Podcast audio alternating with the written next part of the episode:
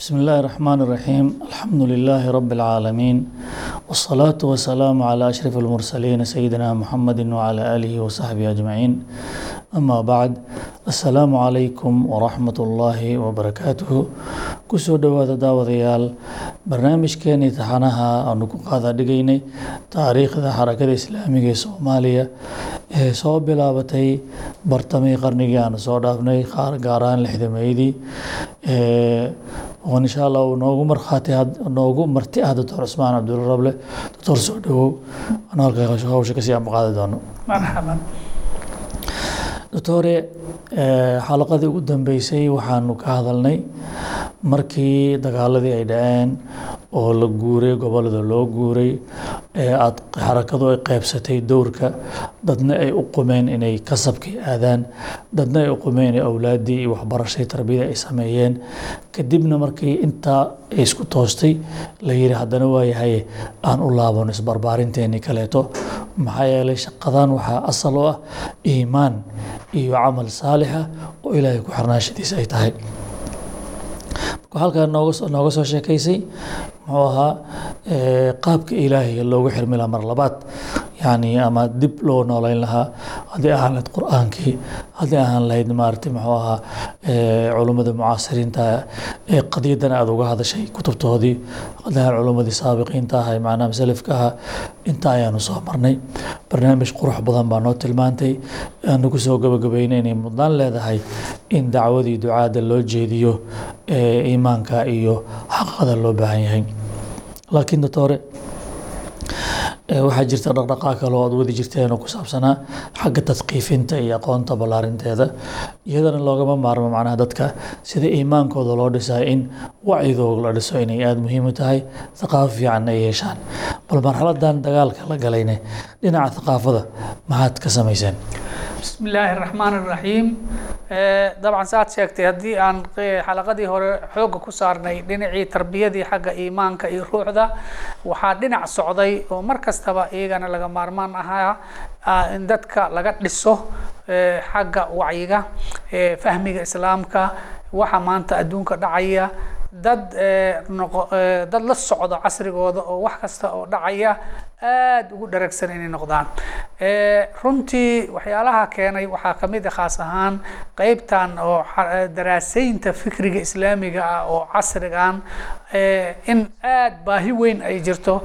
Sagaashameeyadii baan dabcan la marayaa markaa sagaashameeyadii waxaan ognahay xarakaadka islaamka oo caalamka islaamka islaam soo celinta halgankooda goor horeba soo bilaabay inay xoogaa tiro bateen inay manaahijtooda isa sii khilaafeen in maaragtay maxaan ku iraahdaa qolo xagga maaragtay gaaridii dowladdii islaamka iyo ulajeedooyinka islaamka la rabay.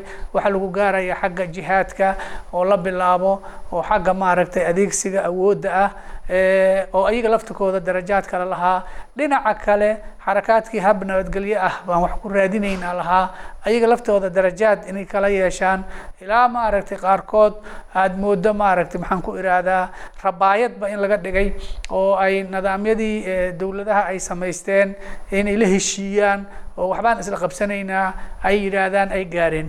Marka maadaama lagu dhex jiro marka mawjadahaas tirada badan leh oo islaamkii laftigiisii u shaqayntiisii ay timiday moodooyin kala duwan iyo noocyo kala duwan ay timiday haddii markaan oo kale waxaa laga maarmaana ragga xarakada inay wacyi kaamil ah ay leeyihiin. Waxaasoo dhan intay daraaseeyaan maxaa sax ah? Si marka dambe ay u soo baxdo manhajka saxda ah oo islaamka loogu adeegi karo taa darteeda saa darteeda waqti weyn bay naga qaadanaysay ama barnaamijyo badan u degsanaa jira xagga ka dhisidda wacyiga islaamiga ah oo maanta loo baahan yahay. Doctor waa nuqdo aada muhiim a tilmaantay anigu thaqaafo guud aan ka hadlaya laakiin qodobkan qodob aada iyo aada muhiim ah weeye. Waqtigaane waa waqtiga aada moodo noocan ma caalamka islaamiga caalamka lagu magacaabo inay dhacday xoogaa infitaax yar dhaco xarakaadku ay bateeno oo isla markaa haddana shaqab fiicanna laga qabsadayo tawajuhaadka xarakaadku ay bateen. Doctor marka tawajuhaadkaas faraha badan leh ee nin walba macnaha uu meydaanka ama suuqii wax soo dhigta uu soo bayaamiyey maxaa ugu muhiimsanaa marka waxyaalaha markaa xarakada horyiilay ee uturuxaadka yaallo ay u baahnayd inay dadkeeda ka dhisto risaaladeeda caamka ama caalamigane ay ku banaysto ay doonaysay waxyaalaha ugu muhiimsan oo runtii dadka wacyigooda laga dhigisayo waxaa ka mid ah horta waxaan la yidhaahdaa in la daraaseeyo khad اlinxiraaf lialumma alislaamiya ummaddan islaamka oo afar iyo toban qarni kabacdi aan hadda arkayno in islaamkii magaci maahay waxa ka harayba nuxurkiisii uu iska yaryahay hal maalin ma bilaabanin arrintaas. Heerar kala duwan ayay soo martay oo weliba wakti hore bilaabatay. Maantana ma aragtay sida axaadiistaba ay sheegtay gunudihii islaamka oo la furfuray latunqadana cura islaami curwa curwa oo waxa harayba ay iska yaryihiin la soo gaaray. Marka waxaan ka bilaabaynay marka ugu horeysaba horta in la daraaseeyo muslimiinta maalinba maxaa ka go'ay? Ilaa maantase maxaa ka maqan? Dhinac kale iyagana in la daraaseeyo taariikhi tajdiid oo mar kastaba islaamka waxaa jira dad culamo u kaca oo wax soo nooleynta isku daya sidaan horeyba ugu soo sheegnay haddii caalim kastane waxuu asiga wax wuxuu soo bandhigayay casrigiisa wixii ka hadlaysnaa. Marka annaga maxaan ka faa'iidaysan karnaa dadkaas culimmada ahaa oo marba isku dayay inay wax soo cusboonaysiiyaan. Sidoo kale haddii xarakaadka hadda jira laftikooda ee maaragtay maxaan ku idhaahdaa ayagii haddana hoos in loogu dego oo tu waliba dhinacyaday ku fiicanta oo looga faa'iidaystaa dhinacadeena looga leexdaa laftikeeda in la daraaseeyay ay tahay. Kulli intaasoo dhan runtii waxaan maaragtay ku magacaabaynay wax magac aan siinay oo ahaa fiqhi lxaraka waa gartay waa wax muhiima ficlan doctor meeshaas marka waxaa ka muuqata marka wacigii xarakada inuu aada u sii muuqanayo iyo qiyaadada aragtideeda ay meel fog wax ka arkaysay marka yani shayga ugu horeyna horyeelay waqtigaa inuu ahaa maadaama camalka islaamiga saaxada la buuxo manhajka camalka islaamiga loo qabanayo muxuu yahay si manhaj saxa loo gaaro waatan markaa aada saa tilmaantay ay waajib noqotay in la fiiriyo waaqaca maanta yaalaan arkayno see ku yimid umal islaamiya u soo inxiraaftay maasha allah aragti fiican bay ahayd haddana halla kacaa loo baahan yahay tajdiid in la sameeya maanta u baahanayo doorkeenu yahay. Qurba thaani si looga noqon lahaa waxaa u jeesteen sidoo kale haddana mujadidiintii soo maray adduunyada. Maxay qabteen u yimaadeen? Maasha allah aragti fiican ah haddana ismaydan xirxirin waxaad tirahdeen dadka saaxada joogo xarakaadkaa kala duwan ayagana maxay hayaan? Oo wanaagsan oo dariiqa laga raaci karaa maxaase khaldan taasi runtii waa aada waxay u muuqataa mowqif saliim oo qurux badan saa darteeda waxa weeye runtii sanad kastaba waxyaalaha barnaamijyada aan degsanayno waxaa ku jirta mar kastaba faqra la yiraahda maaragta maxaan ku raha fiqhi lxaraka oo lagu daraaseynaya fikriga islaamiga oo casrigan jooga aan marna ka maqnaa jirin ficlan fiqhu lxaraka bal noo faafay fiqhu lxaraka maxaa laga wadaa waxa weeye xarakada in si fiican loo dhaqdhaqaaqa islaamiga oo la samaynayo in si fiican loo fahamsan yahay. Asalka sideedaba kelimadan fiqhina dee waa garanaysin islaamka. Mar kastaba culummada fuqahada ah oo qadaayaadka markaas taagan ee fatwo ka bixisa ayaa maaragtay fiqhiga lagu magacaaba xarakada islaamka. Haddaba sideeda waxaa jirta diintaba xaraka ahaantaba markaan ka tagnaba diinta fahmideeda qofka inuu si saxa wax kasta xugum kastoo islaamka ka mid ah inuu si fiican u fahmo.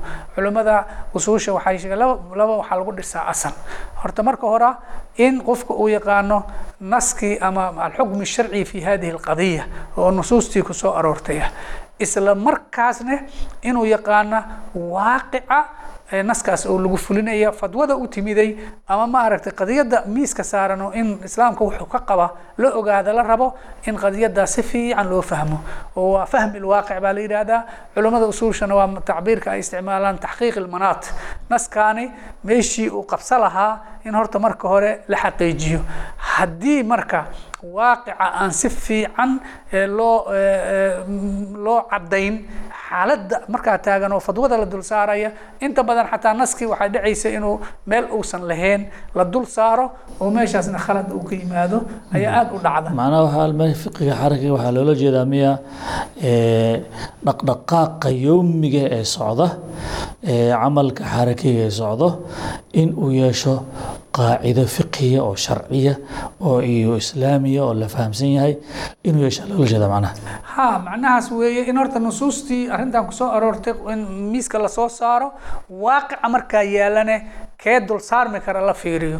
Culimmadii islaamka hore dadaalka ay dadaali jireen waxaa ka mid ah inaysan ka khaldamin laba eh, runtii fadwadooda meesha ay dhacayso Ma- markii fadwo warqad loo soo qoro sheekha oo fadwo lagu soo weydiiyo dhabarkeeda warqadaa dhabarkeeda ayuu jawaabta ku qori jiray.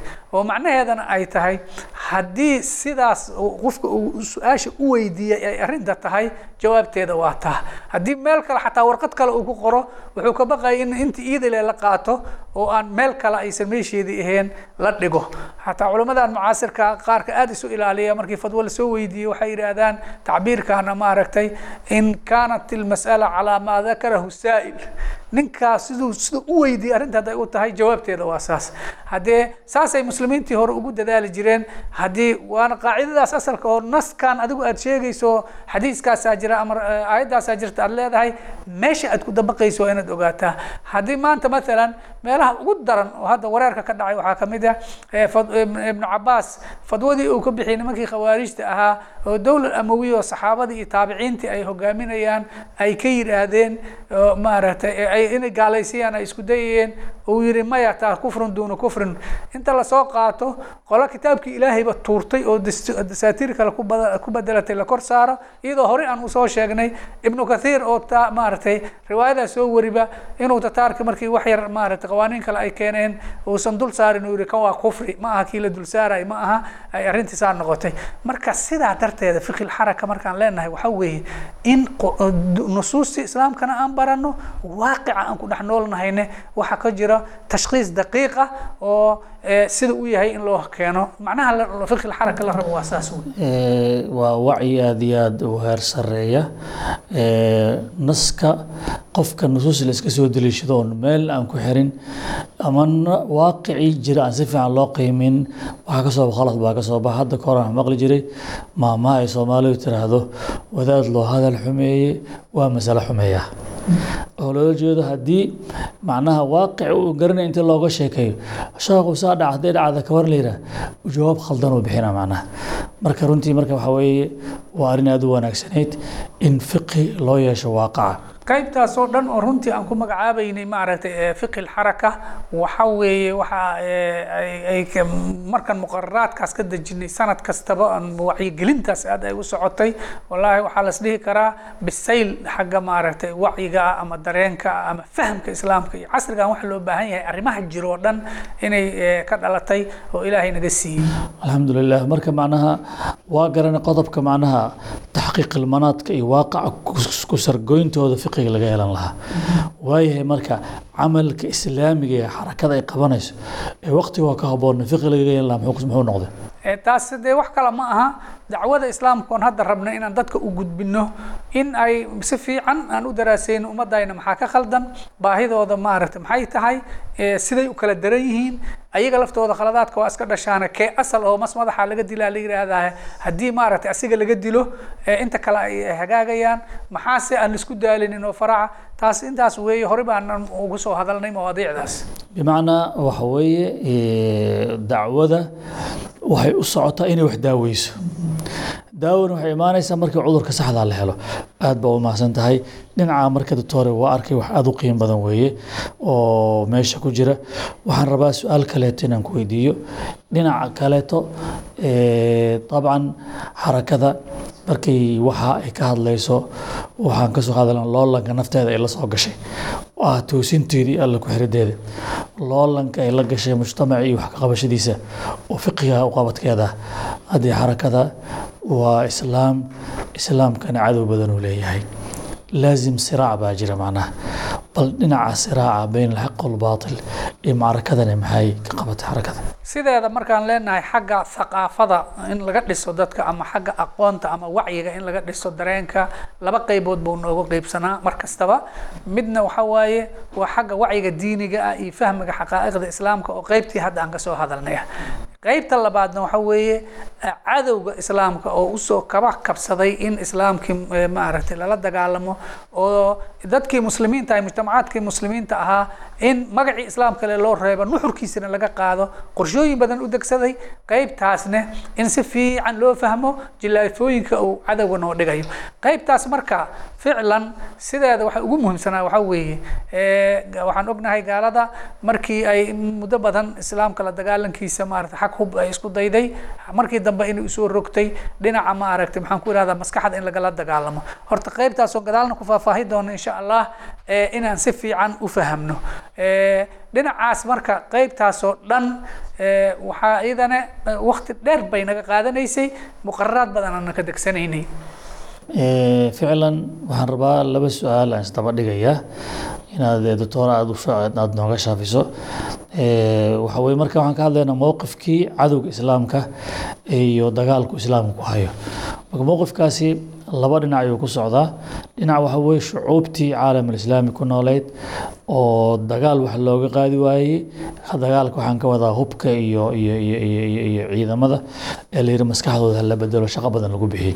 Bal yacni asaaliibta loo adeegsaday si la yeelay inaa wax nooga sheegto waan rabaa. Waxaa kaloo wax ka sheegaysaa sidoo kale dee waxaa jawaabtii caalam islaam ka soo baxdo ahayd in xaraka islaamiya istaagtay ay ugu horeysay xarakadii ikhwaan muslimiinka sheekh xasan banna u bilaabay.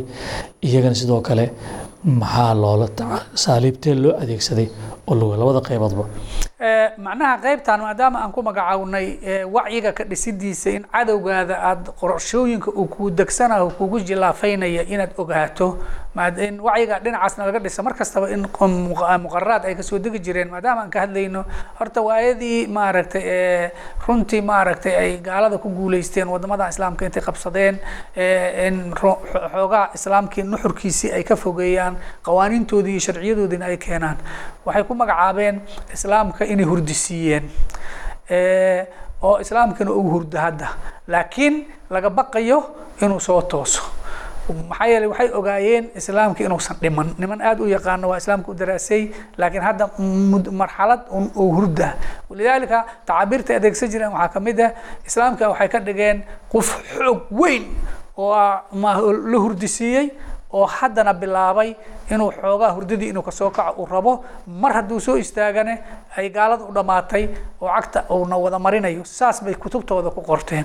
Marka see loo sii hurdisiiyaa waxyaalahay aada ugu dadaaleen. Marka waxaa ka mid ah khaasatan markii fikraddan ay timiday khaswu fikriga waxaan la yidhahda xagga maskaxda duulaanta duulaankeeda in islaamkii dadka muslimiinta oo la qabsaday in loo reebo waxyaalaha muuqaalka guud oo islaamka ah oo dadkii lagu dagi karo islaamkiina waa idiin joogaa haddaan ka soo qaado hadda ninkii maaragtay masra meesha uga adkeede maxaan ku irahdaa xakumi jiray oo ingiriiska barosabka saro ingiriiska cromer la dhihi jiray. Hadaladiisa aad iyo aad qorsho u noqday meel kasta caalamka islaamiga ka mid waxaa ka mid ahaa in almuxaafada cala almadaahir alislaamiya zaa'ifa waxa uu ku magacaabay. Muuqaalada guud oo laakiin nuxur islaamna aan cabiraynin ha loo dhaafo oo xataa barosabka ingiriiska ha ka qayb galo sida maaragtay xafladaha mawluudka oo kale xafladaha sanad hijriyada bilowgeeda oo kale ramadaanka oo kale inta maaragtay ciidaha xafladaha la dhigo ha loo dhaafo. Weliba ha ka qayb galo maaragtay inuu ilaalinayo dadka muslimiinta waxyaalahoodii qofka si loo maleeyo. Laakiin maalinta jimcada laakiin wixii nuxurka islaamka marne inaan la ogolaan oo maxaa ka mid ah shariicada islaamka la isku dabaqo. Sheekadaas in la hurdisiiyo. Jihaad gaalaha la iska celiyo. Abwaabtaas kale sideedaba marna inaan la soo hadal qaadin qoladii soo hadal qaashane isla marka in shaqo laga qabto. As waxaa ka mid ahayd waxyaalaha ugu daran oo xagga duulaanka maskaxda muslimiinta lagu soo qaaday taasay ahayd haddaba marka annaga markaan rabno inaan hadda asisno xaraka islaamiya oo aqoon u leh gaalada jilaafooyinka ay u dhigayso waxyaalahaas oo dhan baan aad iyo aad u akri jirnay. Oo haddaan su'aashaada dhinaceydii kale ka sii jawaabane hadda xarakaadkiyaa soo baxay xarakaadkii markay soo baxeen aad bay u cabsadeen xarakaadka islaam gaalada. Oo xarakadii ikhwaan muslimiinka ugu horeysay niman khubaraha la soo diray oo maaragtay maxaan ku ihahdaa ninkan si ay eeda ka socday oo maraykanka mustashriqa ahaa oo xasanubana inta u yimiday su'aala toos weydiiyey. Markii uu noqdayne kitaabka yarka qoray oo macruufka ah xasanulbana arajul alqur'aaniy uu leeyahay ninkan waxa weeye maaragtay qur'aankii ayuu rabaa inuu soo nooleeyo. Ma garatay? Haddee waa mid kuwa kale oo badan waxayba u samaysteen gaalada waqtigaa laga bilaabo waxa la yidhahda maraakis albuxuuth oo ah niman khubaro ah oo ku takhasusay cilmiga islaamka iyo dhaqanada dhulalkan islaamka in ay hadba talooyin soo jeediyaan dowladahooda siiyaan sidii islaamka loo jalaafay lahaa. Maraakiis aad u fara badan. Waxaan la yaabay hadda waxaa jira mid maaragtay masiixiyiinta suuriya ka mid ahaa oo maraykanka qoladii goor hore uhaajirtay ka mid ahoo jinsiya amerikiya wata oo degmijian la yidhaahda kitaab wuxuu qoray al-usuuliya fi lcaalam alcarabi.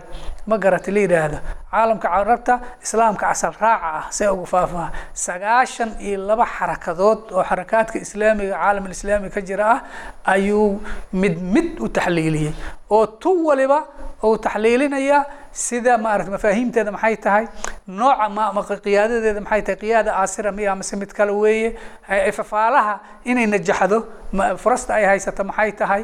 Waa yaab. Sidaasaa marka waxaa loo keenay maxaan ku irahdaa in si fiican islaamkii loo daraaseeyo. Waxaasoo dhan waa inaan fiirina oo annaga marka maxaan xarakada aynu degsan jirnay waxa maaragtay maxaan ku irahdaa mawaadiicdaas oo dhan in si fiican loola socdo. Arrimo ah baan u degsan jirnay waa markaan leenahay cadowga tilaabooyinkiisa si fiican loo fahmo aada baad hore mahadsan tahay. Horaa loo sheegay gaalada takhdiidkay samaysay inay soo dirsatay marka hore islaamka guud ahaan daraasaysay quwadiisa iyo meelaha awooddiisa ku jirto. Raggii mustashriqiinta labatii loo soo saaray oo barnaamijya ka sameeyeen ayuu halka islaamka meeshay ka weerari lahaayeen meeshay ka garaaci lahaayeen. Haddana markay ay awoodda qabsadaan si u tawjiihin lahayen meeshana u marsiin lahaayeen xooggaa u samaystay.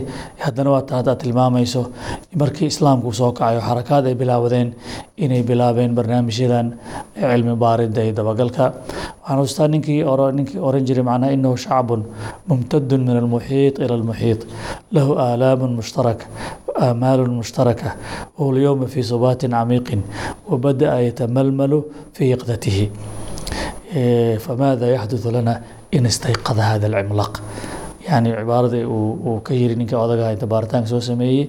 Dhinaca kale daawadayaal waxay samaysteen reer galbeedka. Hay'ado cilmi baarid ah.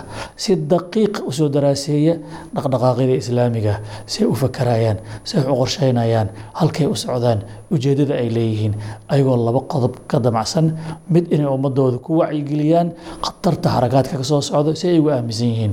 Dhan kalena ay ka shaqeeyaan sidai u marin habaabin lahayn u mardabayn lahaayeen way u lagoyn lahaayeen. Arrintaa wadadoorka noo sheegaya uu shaaca nooga qaaday doctor bal noo sii wad arrintaas waxay u baahan tahay faahfaahin dheeri u baahan tahay. Waxyaalaha cajaa'ib kale waxaa ka mid eh hababka ay adeegsanayeen nimankaas in horta lagu dhex darsado xarakaadka islaamiga laftikii laftikooda dad u shaqeeya nabad sugidda daakhilka kuna xiran midda caalamiga ah oo waxyaalaha ugu daran oo jilaafaynta dadka xarakaadka islaamiga loo loogu talagalay ka mid ahoo inta badanna markii dambe u hirgashay waxaa ka mid ah raggaa lagu dhex darsaday oo qaarkood laga yaabo xataa inay meelo sare ka gaaraan in ay diyaariyaan xarakadaas hadba dowladda meesha ay la rabto inay ujeesato inay maaragtay ay iyaga ka diyaariyaan. Hadday dowladda maalan rabto in darbo lagu dhufto la garaaco waxaa laga dhex diyaarina iyagii dhexdoodii inay sameeyaan afcaal ay nimankaas lagu dhex darsaday ay diyaarinayaan keeni karta berri inay dowladda marmarsiiyo u hesho inay maaragtay la garaaco.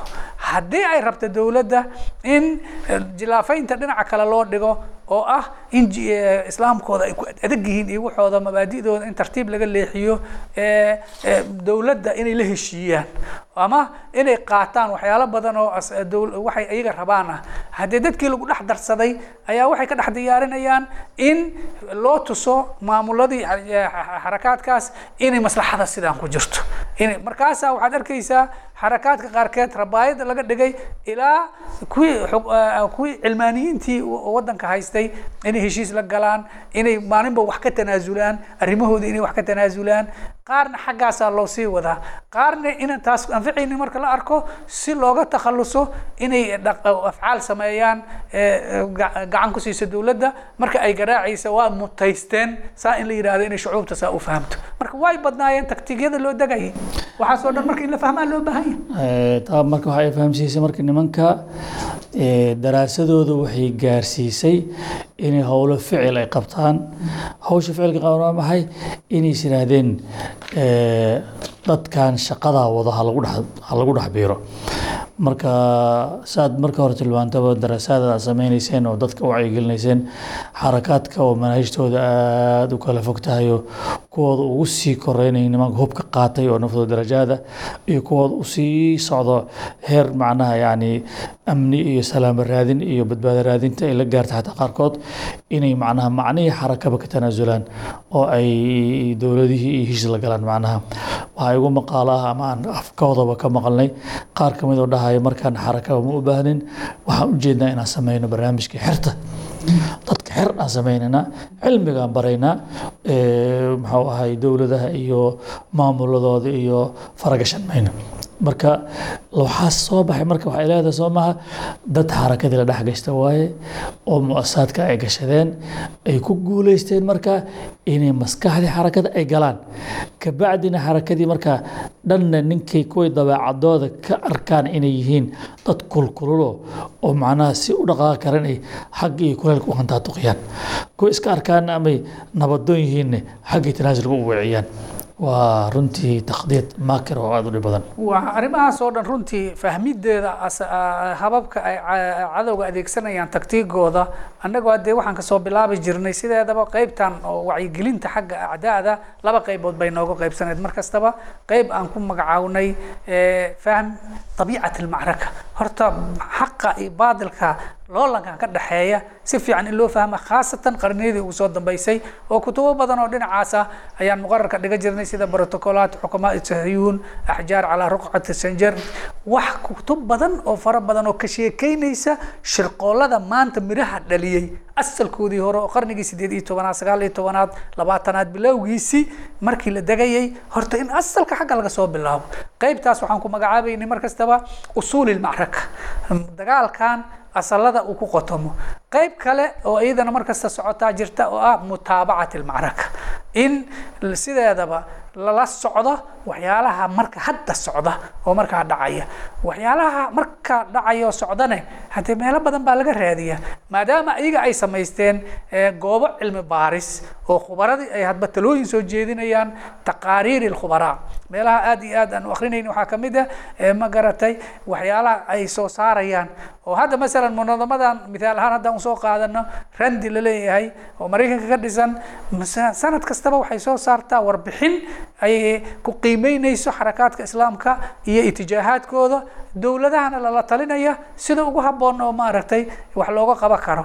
Marka in marka mutaabacat almacraka waxaan ula jeednaa ama kutubta ay alifayaan ay soo saarayaan ama taqaariirta uh, maarata warbixinada ay soo saarayaan ama jaraa'idka maqaalaadka nuxur kale oo lagu qoraa waxaan iska catarabaqashka loogu talagelaya aan ahayn macaamada laakiin khubarada looga talagelaya intaasoo dhan inaan si fiican u daraasayno dadkana aan ka wacyigelino inay la socdaan qaybtaas oo dhan waxaa waa qaybta lagu magacaabo mutaabacat almacraka aad iyo aad baad toor u mahadsan tahay. Hasha meeshaas waxaa ka muuqata marka xarakada wacyigeeda si u sareeyey iyo sida ay dadkeeda uga badbaadinaysay mawjadaha khatarta ku soo aadan.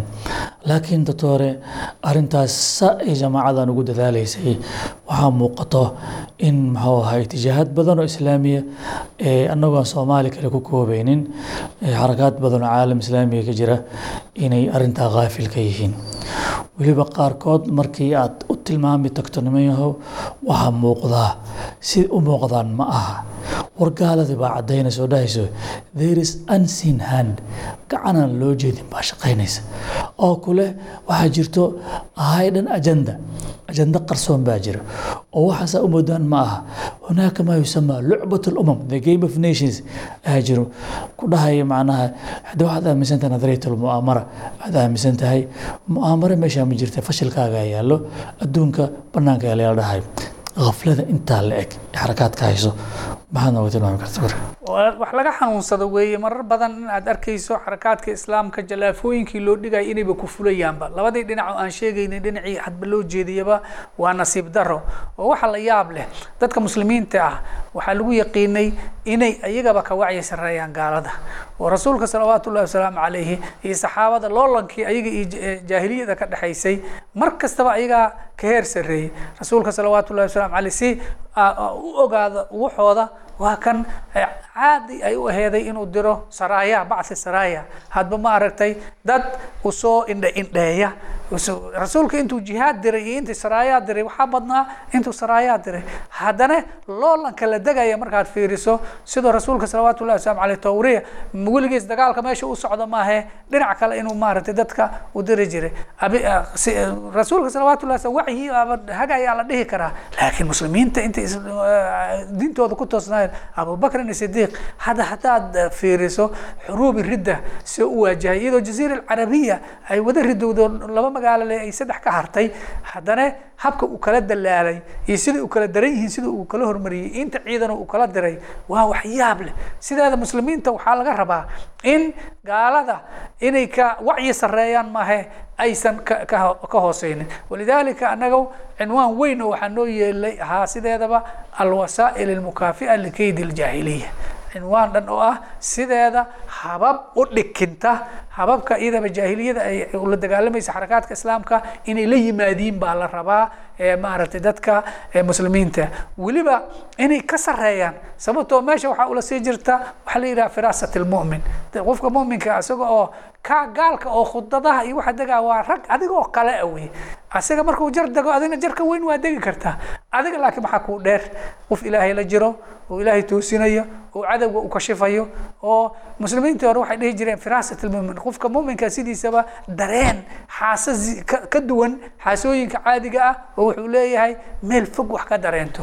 Islaamkii saas ahaa oo la rabay dadka muslimiintana inay sidaa ahaadaan in maxaan kula dheelsiiyo oo maalinba habkii ay gaalada ugu talagaleen shabaqii ay u dhigeen ay ku soo dhacaan wax laga xanuunsada weeye markaan aragnay marka. Wax badan oo saas oo kale dhacay ayaa keentay wakti dheer inaan ku dhumino qeybtan sideedaba dabiicat almacraka in la fahmo iyo mutaabacat almacraka in lala socdo hadba waxa socdo sanad kastana ayna ka marnaanin. Barnaamijyada la soo dejinaa barnaamijya wacyigelin oo dhinacan ku waajahan maasha allah maasha allah maasha allah eh, waa runtii wax aada loogu farxo weeye in hamiga ay qiyaadadii xarakada yeelato eh, dadkeedan ay ka badbaadiso jallaafooyinka loo dhiga ninkii ninkii dareensan inuu col ku jiro waa ismaaraynayaa daa'iman oo abadan. Dadaalkaa faraha badan hore waxaan rabay su'aasha ugu dambaysa inaan kaa weydiiyo. Haddii saa haddii dadaal loogu bixiyey in waqti badan lagu bixiyey ha noqoto taariikhdii islaamka ee loolanka isagii baadilka ka dhexeeyey. Usuusha macrakada haddana la soo tilmaamay laga bilaabo qur'aanka oo tilmaamay gaalada in laga taxadiro maartay muxuu ahaa yani qad badat ilbaqdaau min afwaahihim wamaa tukfi suduuruhum akbar ay ka mid tahay laga bilaabo. Ilaa haddana runtii muxuu ahaa sida maanta adduunka u dhigan yahayo oo loolanka jira xataa qoraalada xataa gaalada ay sameeyeen hay'adaha qarsoon ururada jallaafooyinka wado qaabkay qorsheynayeen saa loo daraaseeyey. Haddana xarakaadkii sida loo furo la daraaseeyey juhdi yar lama bixinin. Maxaa natiija laga gaaray juhdigaas? Ficlan waxaa la dhihi karaa natiijada la gaaray waxa weeye inuu samaysmay dareen aada iyo aada u weyn oo waxaaba xataa nasiib wanaag noqotay sanawaadkan dambe. Waxaa soo baxay waxa lagu magacaabi karo dadka waxay dhindheeyeen ay ku magacaabeen sufuur ilmacraka oo gaaladii markii in badan waxoodii u hirgaleen oo ay meel baad ku hubsateen ay is yidhaahdeen waxaad ka baqaysiinna male inay xataa wax badan oo waagii hore ay qarsan jireen aysan qarsanin oo ay bannaankaba soo dhigaan. Oo hadda la maraya mar magacyo waxaa loo bixinaya dadka si looga maarata cararsiiyo islaam asal raaca iyo seeflabood iyo maaragtay maxaan ku yidhahda argagixiso iyo aan la dagaalamaynaa laakiin islaamka maaragtay diin fiican waaye annagoo duulaan kuma nihin marar qaarkeed hadda ay codad soo baxayaan islaamka laftikiisaaba wuxuu yahayba argagixiska. Haddaan rabno argagixisada inaan asalka maaragtay maxaan ku ihahdaa ka jarno waa in aan toos u ambaarno islaamka. Oo xataa qur'aankii in la ambaaro iyo axaadiistii in wax laga sheego ayay hadda sii maraysaa oo gaaladiiba ay waxooda banaanka soo dhigteen. Laakiin un haddii weli muslimiinta ay hurdaan tu ayaga u taalla wey macnaha yani xarakada marka maxay faa'iidaysatay? Yani cilmiga iyo juhdiga ku bixiseen baan rabaa feedbackiisa dadku say noqdeen macnaha qaybtan dabcan waxay noqotay waxaa waaye dad maanta si fiican waxaasoo dhan u dareensan oo aan la cayaarsii karin aanan hadbashaati inta loo gashto. Xataa waxyaalaha lagu cayaarsiiya xarakaadka waxaa ka mid ah markii la arka wadan xoogaa in islaamiyiinta codkooda aada u kacsan yaho shacbigana in badan oo ka mid ah ay shariicada halisku dabaqadaan ay wadaadada wataan ay iyagoo wada dheg raarici la arko in maaragtay xataa islaamka dowladdii inta la yidhaha ama la afgambiyo ama mid la keeno islaamka la isku dabaqa in la yidhaahdo islaam oo sargaxan oo aan sax ahayn in dadka lagu dago. Inay timaadaa dhici karta waxaasoo dhan inaanan lagu dagmin oo islaamka saxda ahay waxaan ahayn dad aka aan ookiyaa looga geli karin. Saas baan filaya aad baa umahadsan tahay aad baa umahadsan tahay. Ilaa halka aan ku soo gabagabayno. Waa xaraka waaciyada oo ay aragnimada adduunkana ka faa'iidaysatay. Cilmigii usuusha diinta ay ka taqaanana ka faa'iidaysatay. Gaartayna inay dadkeeda ka badbaadiso. Jallaafooyinka cadowga u dhigayo nooc kasta ahaadaba laakiin waxaan rajeynaya qaybo kaloo noo harsan inaan mataqaanaa doctoorka weydiiyo caawa waqti oo naga dhamaada darteed. Hataa iska aragno marka soo socdo waxaan idin leenahay asalaamu calaykum waraxmat ullahi